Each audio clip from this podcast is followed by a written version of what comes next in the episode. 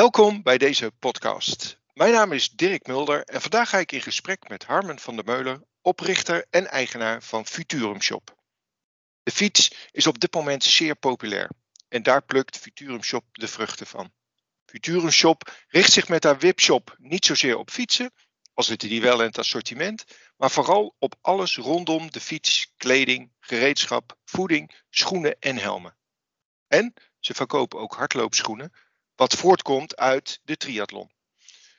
Sinds kort winnaar van de webshop van, de, van het jaarverkiezing. Gefeliciteerd en welkom, Harmen. Ja, dankjewel. Ja, het was een uh, leuke verrassing die we gisteravond hadden. Toen we werden verkozen tot webshop, uh, de beste webshop van Nederland. Uh, we hadden de, de categorieprijs al gewonnen en nu ook de overall prijs. Dus ja, het was een hele leuke avond. Nou, hartstikke mooi. Um, Futurum Shop probeert zich onder meer te onderscheiden met een eigen kledingmerk Futurum. Dat wordt in huis ontworpen en in Europa geproduceerd. Zij focust zich met de webshop vooral op Nederland en België. Ook is het bedrijf actief in Duitsland en Denemarken. Daarnaast heeft Futurum Shop ook twee fysieke winkels, eh, Futurum Club in Apeldoorn en Utrecht. Belangrijk in hun propositie is de snelle levering en de hoge klantgerichtheid. Harmen, mooi verhaal allemaal. Maar eerst, kun je wat vertellen over jezelf en Futurum Shop? Ja, uh, nou ja, ik ben Harm van der Meulen. Ik ben Futurum Shop begonnen uh, in de achterkamer bij mijn ouders. Toen ik 19 jaar was, tijdens mijn studie. Uh, het was uh, rond het jaar 2000. het internet kwam op. De eerste webshops in Nederland werden opgericht. In Amerika bestonden ze al iets langer, want Amazon is in 95 al gestart. maar het was in ieder geval de tijd van ja, de opkomst van het internet, de dotcom-hype, de, de, ook de, de beurskracht rondom uh, al die internetbedrijven die toen naar de beurs gingen.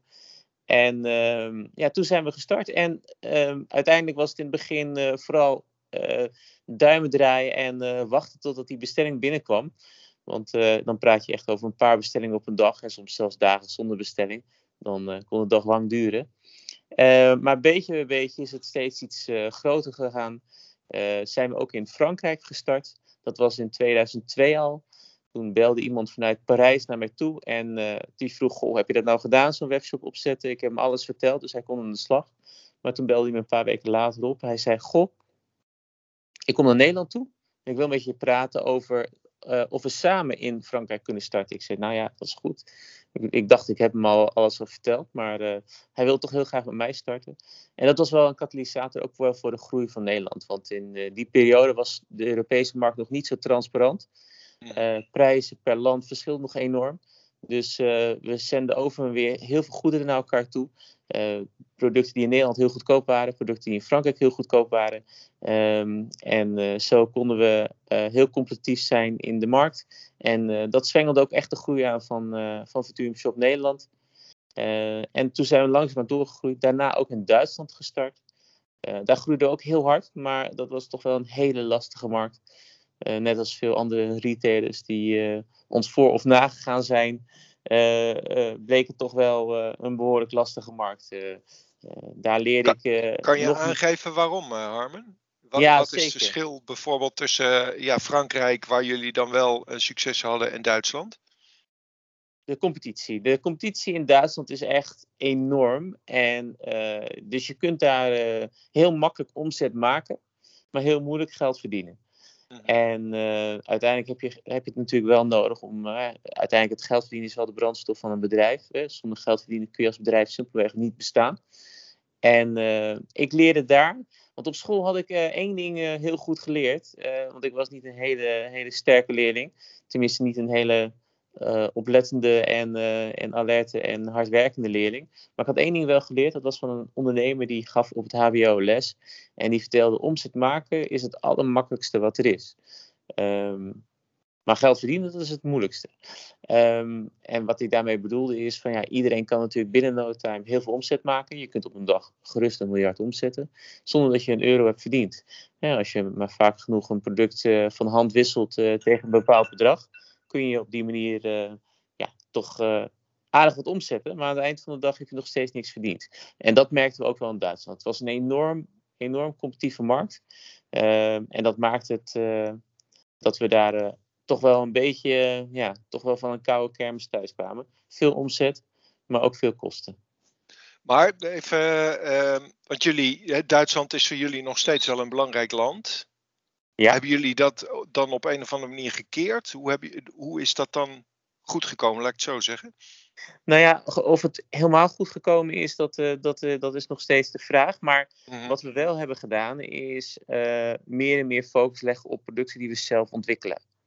En doordat je daar de focus op legt, um, heeft dat ervoor gezorgd dat we wat minder in de prijsspiraal zijn terechtgekomen.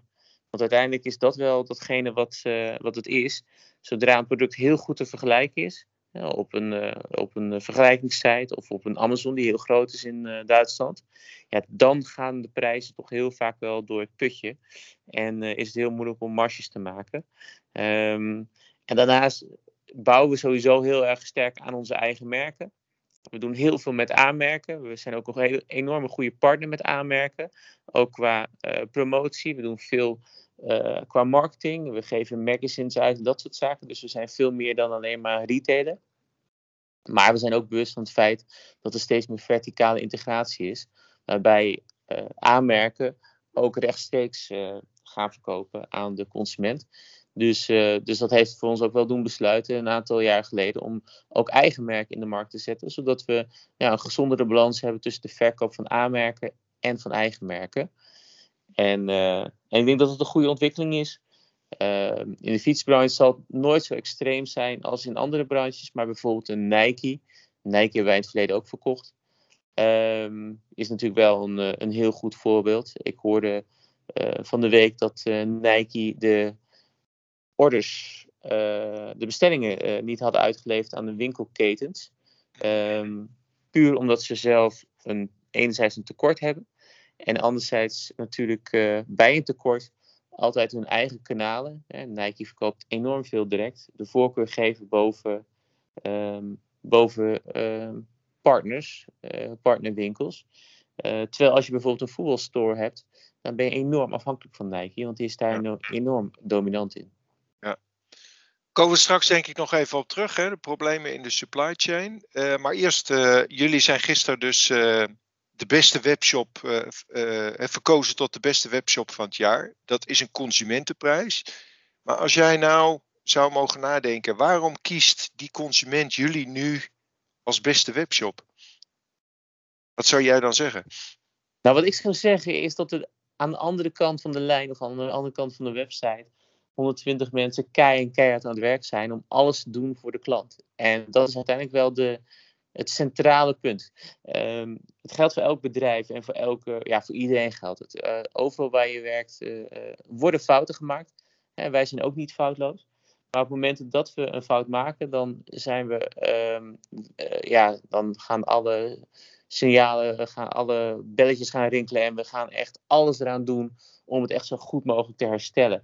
Um, en daarnaast, ook na de aankoop, zijn er dingen die ja, soms niet goed gaan. Als het bijvoorbeeld een, je hebt bijvoorbeeld een Garmin besteld en die gaat kapot. En dan zijn we er ook om de klant zo goed mogelijk te helpen, zo snel mogelijk te helpen. En ook zo goed mogelijk mee te leven met datgene wat de klant graag uh, wil.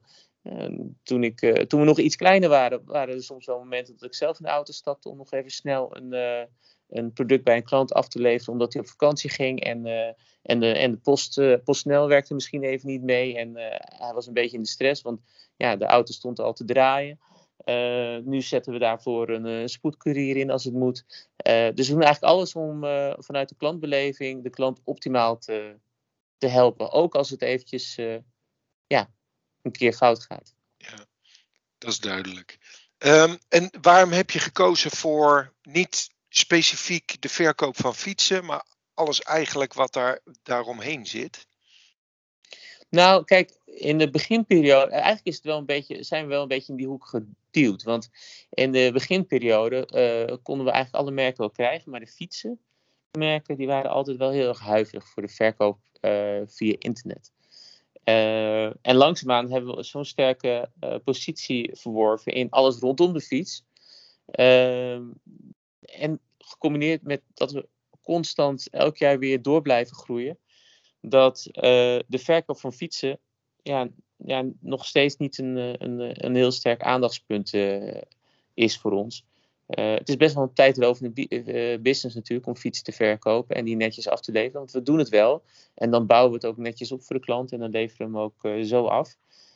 maar dat is best een intensieve business. en ondertussen groeien we heel hard in al die andere categorieën. Ehm, dus, eh, dus daardoor eh, is, het, eh, is het nog steeds zo dat we ons enorm sterk richten op alles rondom de fiets. Ja, en, en, en waar komt alles rondom de fiets vandaan? Ben jij zelf zo'n fietser? Ja, in de beginperiode wielrende ik zelf. Ik koerste ook. Dus, dus ik was een vervent uh, wielrennen. dus eigenlijk kwam alles samen. Ik, ik was eigenlijk al vanaf het begin dat, dat de modem of de ISDN-verbinding later draaide met internet en dat was nog een heel traag internet in de jaren negentig. Uh, was ik al enorm uh, uh, ja, geobsedeerd door wat internet kon en wat de mogelijkheden zouden kunnen zijn richting de toekomst. Um, ja, dus ja, ik vond het gewoon super gaaf. En ondertussen wielrende ik zelf ook, ik koerste ook. Dus het kwam allemaal perfect samen met een, een webshop ja. in fietsartikelen. Zeker goed. Um, nou gaf je al aan hè, bij de start dat uh, leveranciers van fietsen daar wat terughoudend in waren. Hoe, hoe, was dat dan met alles wat om de fiets heen zit? Haalden die jou met open armen binnen? Nou, sommige merken hebben wel moeten groeien, maar over het algemeen ging dat wel veel makkelijker. Uh, we bieden natuurlijk ook, uh, en ook vandaag de dag, nog steeds een platform voor die merken. Uh, die meer is dan alleen maar de verkoop van de, van de producten. We zijn heel actief in de marketing, wat ik zei, met magazines en, en beleving, en, maar ook clinics die we houden. En dat is wel iets wat, wat je wel ziet in de traditionele fietsenwinkel. Daar draait het juist heel erg om de fiets. Ehm, dus daar is de focus, en dat is ook logisch. Hè. Ze repareren ze, ze verkopen ze. Het zijn grote bombedragen. Uh, en, en ook qua verkoop uh, zit vaak gewoon uh, veel meer passie in de verkoop van de fiets dan in de fietsbroekje. En wij hebben dat precies andersom. Dus, en juist doordat we dat platform bieden voor, voor de, de aanmerken, gecombineerd met het feit dat we, dat we veel meer doen dan alleen maar het product verkopen, zorgt er wel voor dat, dat de merken heel blij zijn met ons en ook al heel snel en dan praat ik over twintig jaar geleden eigenlijk al naar ons toe kwamen. En, uh, en zo zijn we een, uh, toch wel een hele lange termijn relatie gaan opbouwen met al die merken. Ja, duidelijk. En als je dan terugkijkt hè, over de afgelopen jaar, zie je dan een verandering in jullie samenwerking met, met die leveranciers? Ja, ja, zeker. De professionalisering aan onze zijde is natuurlijk steeds meer geworden. Maar ook aan de andere zijde moet ik zeggen dat daar ook steeds meer uh, professionalisering uh, plaatsvindt. Ja, de wereld is gewoon veranderd. De retailwereld is veranderd. Um, dus, het, dus het is allemaal wel anders dan twintig jaar geleden. Um, en dat zie, je, dat zie je wel heel duidelijk. En, uh, kan, dat kan je dat dus concreet maken? Wat, wat bedoel je dan met die professionalisering en, en die veranderingen die je gezien hebt? Nou, ook in de fietsenbranche. Uh, toen ik twintig jaar geleden begon, ja, dan had je soms ook gewoon een, een kofferbakverkoper die langskwam. En die had dan uh, een hele, hele, pluk, uh, hele pluk uit Italië meegenomen. Maar ook de grote fietsenwinkels in die periode, die al ja, middels boekjes zeg maar, door heel Nederland verkochten. Ja, die, daar wist ik ook van. Die rijden soms gewoon met een bus naar Italië en dan laden ze zich vol. En dat waren soms ook gewoon aanmerken. En dat, mhm. wat je dan wel zag, is dat fabrikanten van aanmerking in Italië heel gevoelig waren voor als iemand met contant geld aan de deur kwam om, uh, om de vrachtwagen vol te laden. Ja, dat zijn dingen waar wij uh, als Job nooit aan meededen en ook nooit mee te maken. Tenminste, we, ken, we kenden het fenomeen. Um, maar ja, het is toch, uh, ja, dat is toch wel. dat zie je vandaag toch niet meer. Um, zeker de aanmerken zijn veel meer bewust van het feit dat je een merk moet bouwen. Eh, en dat je die goed moet bouwen. Eh, en daarin proberen wij eh, ja, de beste partner te zijn. Ja, jij gaf net aan, hè, je ziet jezelf ook als een soort van platform. Wat, wat, geef eens inhoud aan die term platform. Wat, wat betekent dat voor jou? Nou, in ons geval is dat uh, een platform waarbij we uh, natuurlijk enerzijds het producten verkopen, maar anderzijds ook uh, mensen mee willen nemen in het verhaal van de, van de aanmerken, maar ook willen inspireren we, hebben, uh, we hebben allerlei uh, filmpjes uh, hoe je je fiets kunt, kunt onderhouden. Maar ondertussen geven we ook fysieke clinics. waarbij mensen op locatie komen en dat we daar gewoon met een van onze medewerkers een avondje gaan klussen aan de fiets. Zodat mensen dat, dat leren. maar we nemen ze ook mee in het verhaal van merken. Want merken willen toch heel graag ook uit de, die zijn echt een merk aan het bouwen.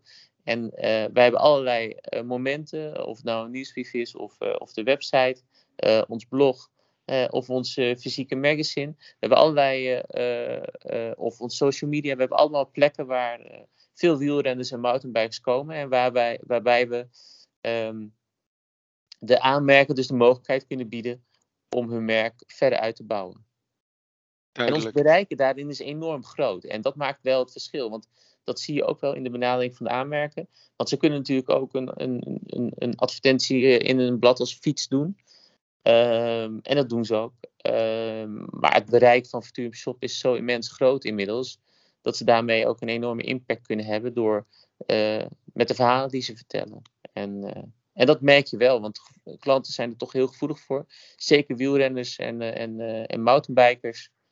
Uh, die zijn uh, heel erg uh, bezig met hun sport, hebben veel passie ervoor, willen graag het, ja, het, het naadje van de kous weten. Ik merk het zelf ook in mijn vriendenkring. ik, vorige week vrijdag zat ik te tennis met een groepje en een aantal fietsen daarvan ook. Ja, dan beginnen ze over de materialen en dan, ja, dan moet ik ook wel eerlijk bekennen dat ze soms ook wel mij. ja, dat, dat, ja, want ze zijn zo bezig met hun materialen. Ja. Dat, dat, dat, af en toe dat ik ook even moet schakelen. Ja. Dus dat ik dan uh, later ik thuis ben. Letterlijk en figuurlijk. Ja. ja, ja, letterlijk en figuurlijk. en dat ik dan later, als ik thuis ben, toch even snel nog even alles nalees. Ja. Hoe nou precies zit. Uh, maar ja, dat is, wel, dat is wel de wielrennen. Dat is wel de mountainbiken. Er zijn ja. zoveel mensen die zoveel passie hebben voor die sport. Dat ze alles ervan willen weten. Of het dan gaat om de. Ja, de ene is, je hebt een groep die alles wil weten van de professionele wielrennen. Maar ook een hele grote groep die alles wil weten van onderdelen en uh, dat soort zaken. Ja, nee, ik denk dat daar ook het uh, succes van we uh, websites naar de toekomst toe in zit. Hè. Die, die, die, die platformcreatie in Amerika als Nike doet dat natuurlijk al, uh, al heel erg goed. je hebt het over die merkleveranciers. je leest natuurlijk op dit moment veel in de kranten de problemen in de supply chain, levering van, van producten. Hoe ervaren jullie dat op dit moment? En ja, als je daar last van hebt, hoe lossen jullie dat op? Um, nou ja, het is gewoon een enorm lastige markt op dit moment. Je, je ziet wat je ziet, uh, wat of tenminste wat je zag gebeuren, was dat in maart vorig jaar, toen corona uitbrak, iedereen en masse op de rem ging trappen. Dus dat heeft ook wel een impact gehad op al die fabrieken die in één keer uh, al die orders uh, zagen cancelen. Alleen een maand later, en dat, dan praat ik even voor onze business, zag je dat het als een raket ging. Dus toen ging iedereen massaal weer bestellen. En dat heeft een zichzelf versterkend effect gehad. Um, want het ging zo hard dat mensen of dat bedrijven uh, enorm bestellingen zijn geplaatst, waardoor leeftijden enorm opliepen, waardoor bedrijven nog grotere bestellingen gingen plaatsen. Nou, op een gegeven moment wordt het natuurlijk een beetje een chaos. Uh, en als je dat dan combineert met het feit dat uh, heel veel scheepsvaart uit de vracht was gehaald, containers niet terug waren gegaan naar China, maar verspreid over Europa of over Amerika stonden, ja, dan heb je een situatie waarbij uh, het ineens, heel lastig is om vooral onderdelen, producten die in het Verre Oosten eh, worden gemaakt, uh, te krijgen. Als je gaat kijken naar bijvoorbeeld kleding, is dat weer minder, want er wordt veel in Europa geproduceerd.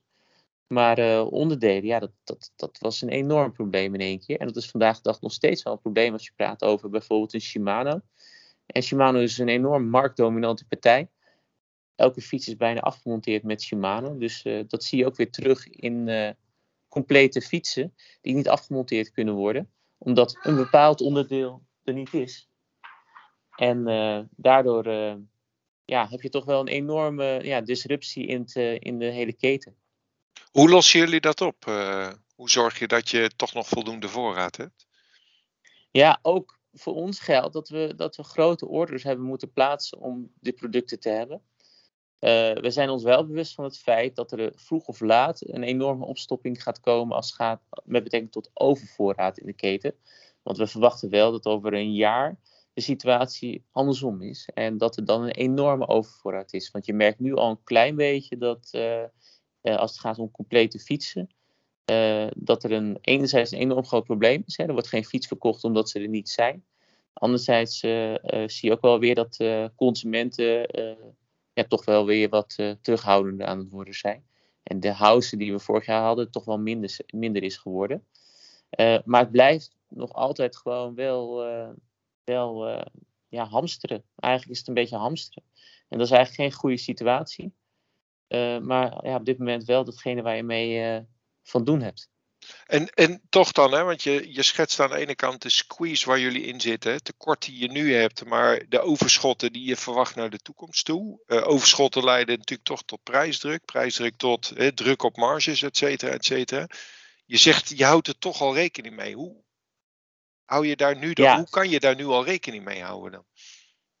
Nou, eigenlijk om heel scherp te zijn in datgene wat je, uh, wat je, wat je inkoopt. En dan doe ik eigenlijk op uh, hoe breed ga je. Uh, dus wij kunnen best wel goed voorspellen van. we hebben altijd een hele hoge omloopsnelheid gehad. zeker in retailland. dus die omloopsnelheid is nu een stuk lager. Daar hebben we mee te dealen. De keerzijde is wel dat we weten, oké, als als, als, als de markt eigenlijk uh, over een jaar bijvoorbeeld enorm afkoelt en er zijn enorme overvoorraden, ja, dan moeten we gewoon wel zorgen dat de voorraden die we hebben, ondanks dat we dan even tot een nog toe gevuld zijn, voorraden zijn die in een paar maanden daarna ook altijd wel uitlopen. Dus je gaat wat smaller, je gaat smaller maar dieper inkopen. Dus je gaat zorgen dat je meer uh, uh, zwarte broekjes op voorraad hebt, maar dat je die, die rode die af en toe wordt besteld niet uh, en inlaat. Dus dat geeft een soort verzekering dat als de markt echt afkoelt, dat je niet uh, lange tijd uh, met allerlei producten opgescheept zijn die op dat moment totaal niet meer lopen. Maar dat je in ieder geval wel weet, oké, de omloopsnelheid is laag, maar deze producten lopen de komende maanden allemaal wel uit. Ja, duidelijk. Um, als je nou terugkijkt, hè, jullie zijn natuurlijk een webshop. Uh, internet heeft natuurlijk een enorme boost gemaakt de afgelopen jaar, anderhalf jaar. Hoe hebben jullie dat ervaren en wat zie jij als belangrijkste ontwikkeling in zeg maar, die e-commerce? Um, en eh, door corona of? Uh... Nou ja, eigenlijk hè, de, de, ja, de laatste anderhalf jaar. Hè, de, hoe heeft die markt zich ontwikkeld en, en uh, wat is nu op dit moment het belangrijkste daar? Misschien, zelf, misschien door corona, maar misschien zelfs hè, los van corona. Nou ja, ik, ja enerzijds uh, zou je denken uh, door corona en in, in onze branche dat er meer bewustwording van uh, is dat de afhankelijkheid van een enkele speler, in de fietsbranche zie je dat met, met de afmontage, um, of de afhankelijkheid van het Verre Oosten, ja, enorm risicovol is. Um, ik hoorde van de week dat, dat, dat bijvoorbeeld winkels die uh, gebonden zijn in de verkoop van één merk. En daar dan ook harde contracten hebben dat ze maximaal, of dat ze alleen dat ene merk mogen verkopen qua fietsen. Ja, het enorm zwaar hebben. Die, uh, die, die aanvoer is er niet. Uh, en, um, en ondertussen, um, doordat die aanvoer er niet is, hebben ze vorig jaar 15 tot 30 procent minder omzet gedraaid. Ook dit jaar 15 tot 30 procent minder omzet. Terwijl de vraag wel enorm was. Maar ze mochten niet andere merken verkopen, dus ze konden niet, niet uh, verschuiven naar andere merken. Dus ik denk de afhankelijkheid van één merk, dat dat uh, enorm naar voren is gekomen voor bedrijven. Dus, je, dus uh, hoe, hoe, gevaarlijk dat is. maar ook de afhankelijkheid van, van het Verre Oosten. Anderzijds moet ik wel zeggen, ik woon vlakbij mijn werk. Dus ik, ik rij weinig, maar gisteren vanwege de, de award-uitreiking moest ik naar Amsterdam. En als ik dan zie hoe druk de wegen weer zijn, echt uh, immens druk. Uh, weet ik ook niet uh, hoe lang we ons herinneren hoe vervelend het is als je zo afhankelijk bent van. Want er zijn natuurlijk heel veel bedrijven die tijdens de coronacrisis al direct zeiden: we moeten meer in Europa produceren, meer dichter bij huis produceren. maar ik vraag me af of als de waan van de dag weer opspeelt, uh, en uiteindelijk de laagste prijs vaak uh, toch uh, enorm dominant is in het hele spel. Zeker bij beursgenoteerde bedrijven met aandeelhouderswaarde. Of dan de coronacrisis nog, nog wordt herinnerd. Alleen ja, als je gaat kijken naar de, het, zeg maar, online verkopen. Dan denk ik wel dat, het, dat de coronacrisis ervoor heeft gezorgd dat, dat een hele grote groep nieuwe kopers erbij is gekomen. Want zeker met boodschappen En zeker de wat oudere doelgroep deed vooral de boodschappen gewoon nog in, de, in de supermarkt. En, en die zijn ook allemaal naar online gegaan. Dus ik denk dat dat voor online wel betekent dat, dat na corona ja, het toch nog steeds dat de markt groter is geworden. En in de periode tijdens corona, toen winkels dichtgingen in Nederland en België, ja, dat, dat was een situatie dat natuurlijk online helemaal uh, booming was. Uh, dus dat, zal wel, dat, dat koelt nu wel wat af. Maar uh, eh, 2021 en 2022 zal een stuk drukker zijn voor webshops dan het pre-corona jaar 2019. Dus de markt is gewoon groter geworden voor de online business. Duidelijk. en dan toch, hè, jullie hebben twee fysieke winkels. Hoe belangrijk zijn die in jullie hele propositie? Ja, de fysieke winkels, uh, dat, is, uh, dat is momenteel een uitdaging. Want die hebben natuurlijk tijdens de coronatijd uh, ja, ook even, even stilgelegen. Enerzijds gedwongen, maar anderzijds ook omdat we online zo hard groeiden dat, dat we iedereen nodig hadden. Um, en we ook onze medewerkers in de winkel, want dat zag je in het begin van de coronaperiode echt wel hoor. Dat, dat, dat de, onze winkel in Utrecht bijvoorbeeld was echt super druk aan het begin van corona. En dat was heel oncomfortabel. Dus toen hebben we al heel snel gezegd, joh, we sluiten de, de club uh, even. Um, meer ook uit veiligheid voor de medewerkers. Um, maar in de basis is voor ons, zijn de clubs, de fysieke winkels, uh, een moment uh, voor de klant om ons ook fysiek te ontmoeten. En dat vinden we heel belangrijk. Vroeger, toen ik begon, toen kwamen ze af en toe aan huis bij mijn ouders uh, om een product op te halen. En dan gingen ze op een bankje zitten, kregen ze een kop koffie en uh, ja, had je toch de contact met de klant. En uiteindelijk, ondanks dat we steeds groter groeien, wil je wel heel dicht bij je klant staan. En dat kunnen dat soort punten kunnen dat, opleveren. En dan houden we allerlei events. We gaan samen met klanten fietsen of we houden een, een clinic rondom het monteren en afmonteren van je fiets. En dat soort zaken. En dat maakt het uiteindelijk ook wel een stuk persoonlijker en uiteindelijk ook een stuk leuker. Als je op die manier ook met je klant kunt omgaan. Ja. Uh, je had al aangegeven, jullie zijn uh, ook succesvol internationaal. Hè? België, Duitsland, Frankrijk, Denemarken. Ehm, hoe makkelijk is het als je een webshop hebt om dat op te schalen naar het buitenland? En waar loop je dan tegenaan? Nee, het, het opschalen naar het buitenland is echt uh, geen 1 2 En daarom moet je heel goed nadenken over ja, welk land. Uh, maar wat ik net al aangaf met Duitsland, ja, dat is zo'n competitieve markt. En het is echt zo moeilijk om daartussen te komen. Het kost zo ongelooflijk veel geld. Uh, en je weet ook dat daar ook de prijs enorm belangrijk is. Um, ja, dat, dus je moet, ja, het is geen, geen 1 2 uh, het succes in Nederland is niet makkelijk te kopiëren naar het buitenland. Het vergt een enorm, enorme lange adem en een uh, hele duidelijke strategie. En, uh, en daarin zul je af en toe je neus kaart stoten. Ja, duidelijk. Um, toch, en dan gaan we zo'n beetje naar het eind toe. komen we er niet omheen in deze tijd. Hè?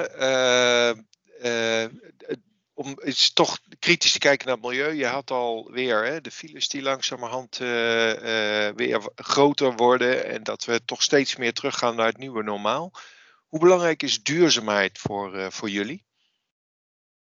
Ja, heel belangrijk. Eigenlijk al vanaf de start van, van Futurum Shop. Maar ik denk dat rond 2010 er nog meer aandacht voor kwam. Wij werden zelf ook wat, wat groter. Ehm, ja, eigenlijk het, ja, ja, de wereld gaat veranderen, de wereld moet veranderen. En um, in die periode, ik denk dat 2014, dat dat een moment was dat ik een keer uh, twee columns in Twink had geschreven. Eentje was enorm uh, veel gelezen, meer dan 20.000 keer online. Um, dat ging over duurzame bezorging, bezorging met fietscouriers. Um, maar uiteindelijk uh, en dat, is, dat was wel een beetje ook mijn moraal van het verhaal. Is, ja, de wereld moet veranderen. En, en, en dat zie je natuurlijk nu helemaal in een, uh, nog meer op de agenda staan. Uh, en, en dat we met z'n allen goed moeten kijken naar waar de toekomst naartoe gaat. En, en heel veel bedrijven, zeker tien jaar geleden, hadden nog niet echt het geloof erin van ja, weet je, dat zal wel niet zo vaart lopen. En, en het enige wat ik dacht toen, van ja, maar ja, tien jaar daarvoor dachten jullie ook allemaal dat internet niks zou worden. maar internet is natuurlijk ook steeds groter en groter geworden.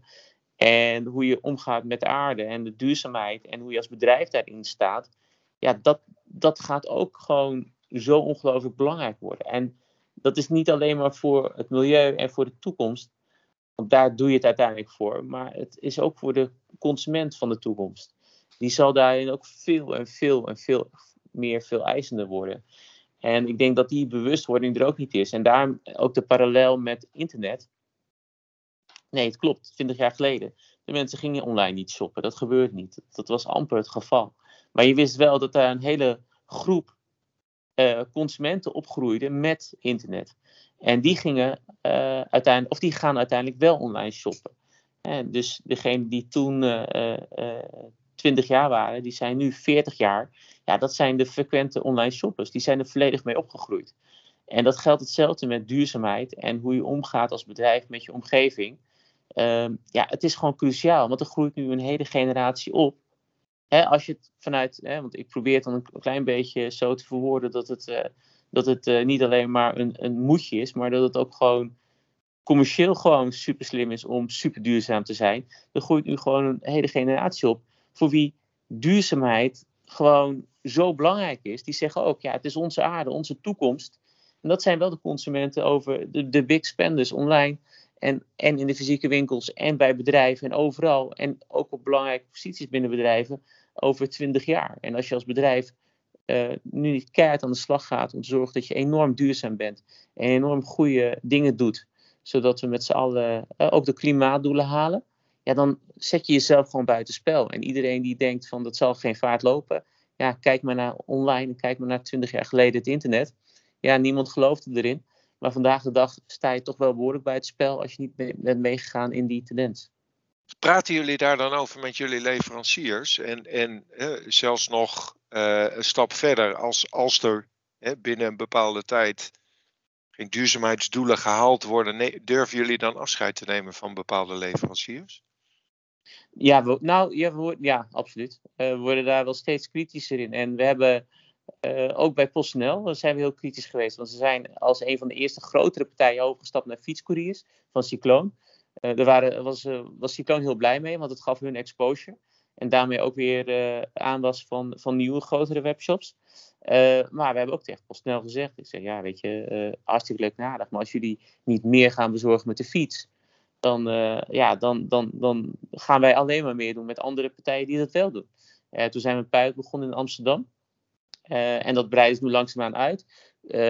En ik moet ook wel zeggen, PostNL is wel logger daarin. Want ik zei ook tegen jullie hadden eigenlijk het beste fietsnetwerk van, van, van de hele wereld bijna. Want ja, vroeger, ik ben zelf ook postbode geweest toen ik 17 was. Ja, toen kreeg je gewoon de pakketjes mee op de fiets.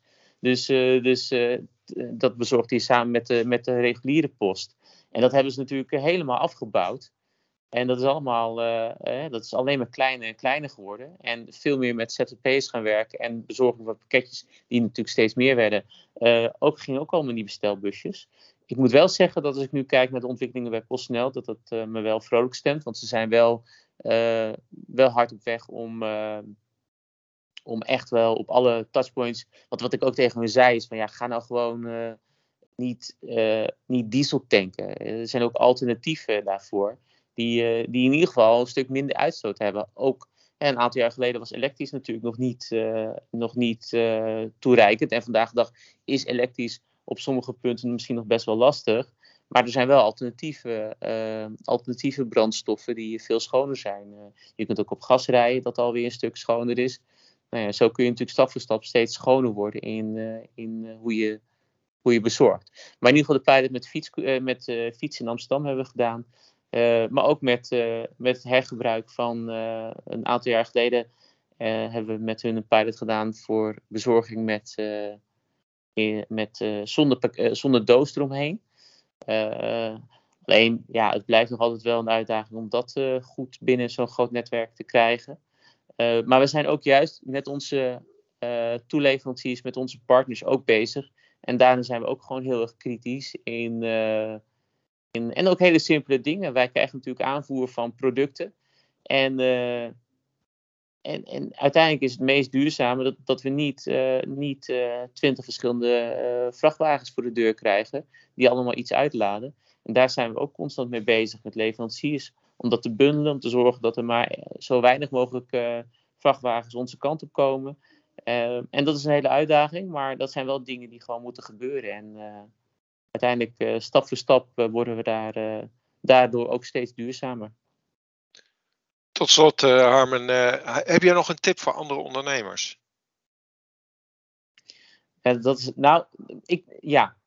Um, ja, ik, ik, ik, ik, wou zeggen dat is moeilijker, maar ik dacht, ja, nee, wel, wel een, eh, een, een, een tip.